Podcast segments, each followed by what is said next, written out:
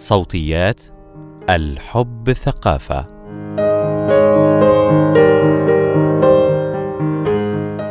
هل يوجد فارق بين الرغبة الجنسية والاستثارة؟ هل يمكن تحقيق متعة جنسية بدون إيلاج أو علاقة جنسية كاملة؟ معرفة إجابات هذه الأسئلة ستساعد العديد من الشركاء خلال علاقاتهم. هل يوجد فرق بين الرغبة والاستثارة والمتعة؟ مقال لمرهان فؤاد. يخلط الكثيرون بين الرغبة الجنسية والاستثارة. ومن المهم التفريق بين الرغبة والاستثارة والمتعة. لأن فهم هذا الفارق سيساعدنا في التعامل مع حياتنا الجنسية بشكل أفضل. الاستثارة والنشوة الجنسية من الوظائف البيولوجية المعقدة وتؤثر على مناطق عديدة في الجسم من الجلد إلى الدماغ. بينما الرغبة تتضمن المشاعر والعوامل النفسية. الرغبة هي بداية العملية الجنسية. بالطبع لن تتم العملية الجنسية بدون رغبة. الرغبة هي الدافع والدافع هو المكون البيولوجي للرغبة. والرغبة هي الاهتمام الجنسي أو الإشارة التي يعطيها لك جسدك من خلال الأفكار الجنسية والأحلام والتخيلات. أن يثيرك شيء ما وتعتمد على آليات الغدد الصماء العصبية والهرمونات والناقلات العصبية. كلنا يمتلك هذا الدافع أو الرغبة. البعض يمتلك دافع بمستوى مرتفع والبعض يمتلك دافع معتدل. وتتأثر الرغبة الجنسية بالأدوية والأمراض الجسدية. هناك مكون آخر للرغبة وهو مكون ثقافي. فمعتقداتك وقيمك وتدينك تؤثر على دافعك الجنسي. والمكون الثالث للرغبة هو المحفز ويجمع العوامل النفسية والشخصية التي تجعلك مستعدا للعلاقة الجنسية. فقد يكون لديك محفز بيولوجي لكنك تشاجرت مع شريكك على الغذاء فبالطبع لن تكون مهيئا نفسيا لممارسة علاقة. الإثارة الجنسية عند الرجال والنساء. يمر الرجال والنساء بالإثارة الجنسية بشكل مختلف ليس فقط من الناحية الفسيولوجية لكن من الناحية النفسية أيضا. من ضمن الاختلافات بين الرجل والمرأة في الإثارة الجنسية عدم التزامن. تحتاج المرأة وقتا أطول حتى تصل للاستثارة وهو ما قد يسبب مشاكل في العلاقة إذا لم يكن التفاهم بين الشريكين متحققا من ضمن الاختلافات أيضا ما يشير إليه الصحفي وودرو وايت حين يقول إن الرجل يقع في الحب من خلال عينيه والمرأة من خلال أذنيها في إشارة إلى الاختلاف بين الرجل والمرأة من جهة الرغبة والإثارة. كثيرا ما نسمع أن الرجال كائنات بصرية وهو بشكل ما صحيح. يهتم الرجال بشكل أكبر بالمنبهات الجنسية المرئية. وقد وجد الباحثون بالفعل اختلاف استجابة أدمغة الرجال عن النساء للإثارة الجنسية المرئية وجدوا نشاطا أكبر لدى الذكور في منطقة اللوزة الدماغية عند الإثارة الجنسية المرئية وهي منطقة دماغية لها علاقة بالإثارة العاطفية وأيضا في منطقة ما تحت المهاد وهي منطقة مركزية للوظائف الإنجابية. لكن بالطبع كل هذه الاختلافات ليست صارمة والأمر يختلف وفقا للفروق الفردية بين شخص وآخر. ما هي دائرة الاستجابة الجنسية؟ يمكن تحديد الفارق بين مرحلتي الاستثارة والنشوة من خلال التعرف على دورة الاستجابة الجنسية التي قدمها العالمان ويليام ماسترز وفيرجينيا جونسون عام 1966 وهذه الدورة تشتمل على المرحلة التالية. الاستثارة. ثبات الاستثارة. البلاتو. النشوة. التراجع والاسترخاء. Resolution. أول مرحلة هي الاستثارة والتي قد تستمر من بضع دقائق لعدة ساعات. وفي هذه المرحلة يزداد توتر العضلات ويزداد معدل ضربات القلب ويتسارع التنفس. أيضا قد يتوهج الجلد وتنتصب الحلمات ويزداد تدفق الدم إلى الأعضاء التناسلية مما يؤدي إلى احتقان البذر عند الإناث والشفرين الصغيرين وانتصاب قضيب الرجل. وبالنسبة للنساء فيبدأ التزليق المهبلي. وتنتفخ جدران المهبل. أما المرحلة الثانية وهي مرحلة البلاتو.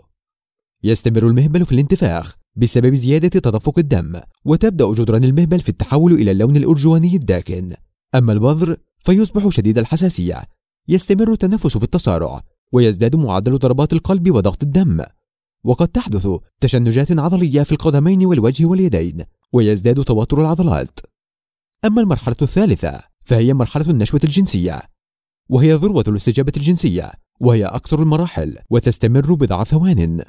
ولهذه المرحلة عدة علامات مميزة مثل تقلصات العضلات اللا إرادية ويكون ضغط الدم ومعدل التنفس في أوج معدلاتهما وتتشنج عضلات القدمين تنقبض عضلات المهبل ويتقلص الرحم أيضا.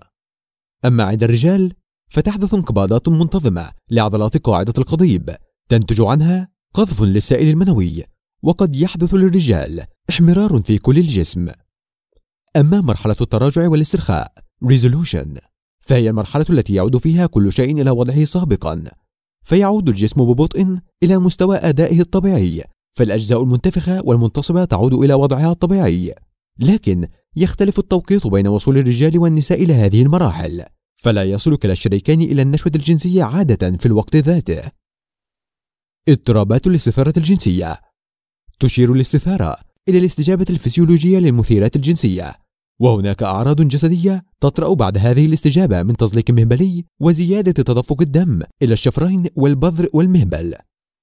ويصنف الدليل التشخيصي والإحصائي للاضطرابات العقلية أو ال DSM-5 مشاكل الإثارة والرغبة معا تحت مصطلح الاهتمام الجنسي للإناث اضطرابات الإثارة أو ال FSA-IDS واضطراب الاستثارة الجنسية للإناث هو عجز مستمر أو متكرر عن تحقيق الإثارة أو الحفاظ عليها وتؤثر صعوبات أو انعدام النشوة الجنسية على النساء أكثر من الرجال. والشخص الذي يعاني من هذه المشكلة لا يستطيع تحقيق النشوة الجنسية. في حين تشير اضطرابات الاستثارة لدى الرجال عادة إلى ضعف الانتصاب. اختلافات النشوة الجنسية. كما عرفنا من دورة ماسترز وجونسون فالنشوة الجنسية هي ذروة الاستثارة الجنسية. ولكن مع ذلك حدثت اختلافات كثيرة بين الباحثين حول طبيعة النشوة الجنسية خاصة عند النساء.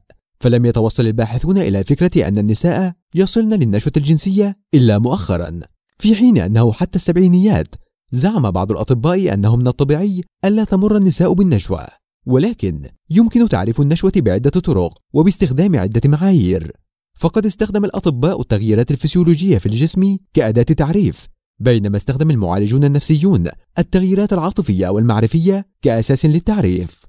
وقد وضعت الباحثة الجنسية بيتي دوتسون تسعة أنواع مختلفة للنشوة الجنسية ومنها هزات الجماع المختلطة وهي مجموعة متنوعة من تجارب النشوة المختلطة والممزوجة معا. هزات الجماع المتعددة وهي أن تحدث سلسلة من هزات الجماع خلال فترة زمنية قصيرة بدلا من واحدة. هزات الجماع المسترخية وتحدث نتيجة للاسترخاء العميق أثناء التحفيز الجنسي. هزات الجماع المتوترة وتحدث بشكل شائع عندما يكون الجسم والعضلات متوترين. ما هي اضطرابات النشوة الجنسية عند الإناث والذكور؟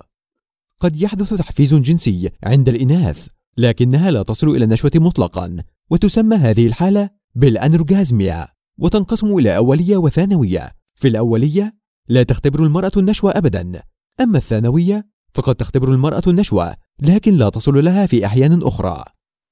ويحدث اضطراب النشوة عند النساء لأسباب جسدية ونفسية مثل القلق والاكتئاب. أما عند الرجال فيشار إلى اضطراب النشوة لديهم باسم النشوة الجنسية المثبطة وهي حالة يمكن أن تستمر طوال الحياة أو تكون طارئة بعد نشاط جنسي منتظم وطبيعي أو تصاحب أمراضا جسدية مثل القلب أو لأسباب نفسية مثل القلق أو تكون بسبب أدوية للقلق والاكتئاب. المتعة الجنسية أعم. هل يمكن أن يشعر الوحيدون بالمتعة الجنسية؟ نعم يمكنهم ذلك. العادة السرية طريق رائع للوصول للذة الجنسية بمفردك وهي وسيلة جيدة للتواصل مع نفسك وهي طريقة طبيعية وآمنة للشعور بالمتعة. وعلى الرغم من الخرافات والأساطير فالاستمتاع الذاتي ليس له آثار جانبية ضارة لكن الإفراط فيه يمكن أن يضر بعلاقاتك وحياتك اليومية. عدا ذلك فالاستمناء فعل طبيعي وصحي. هل يمكن أن تتحقق متعة جنسية بدون علاقة كاملة؟ هذا ممكن. المتعة واللذة الجنسية أعم من فعل العلاج والعلاقات التي توصل إلى النشوة. من الممكن أن يستمتع الشريكان بعلاقتهما معا بدون علاج وبدون وصول أحدهما أو أيهما إلى النشوة. المداعبات والحميمية واللعب يمكن أن تحقق المتعة للطرفين ولكن الأمر بالطبع يحتاج إلى بعض المجهود والتجريب. فهم طبيعة الرغبة والاستثارة والنشوة عندك وعند شريكك هو سبيلك لحياة جنسية صحية وسعيدة وخالية من التوتر.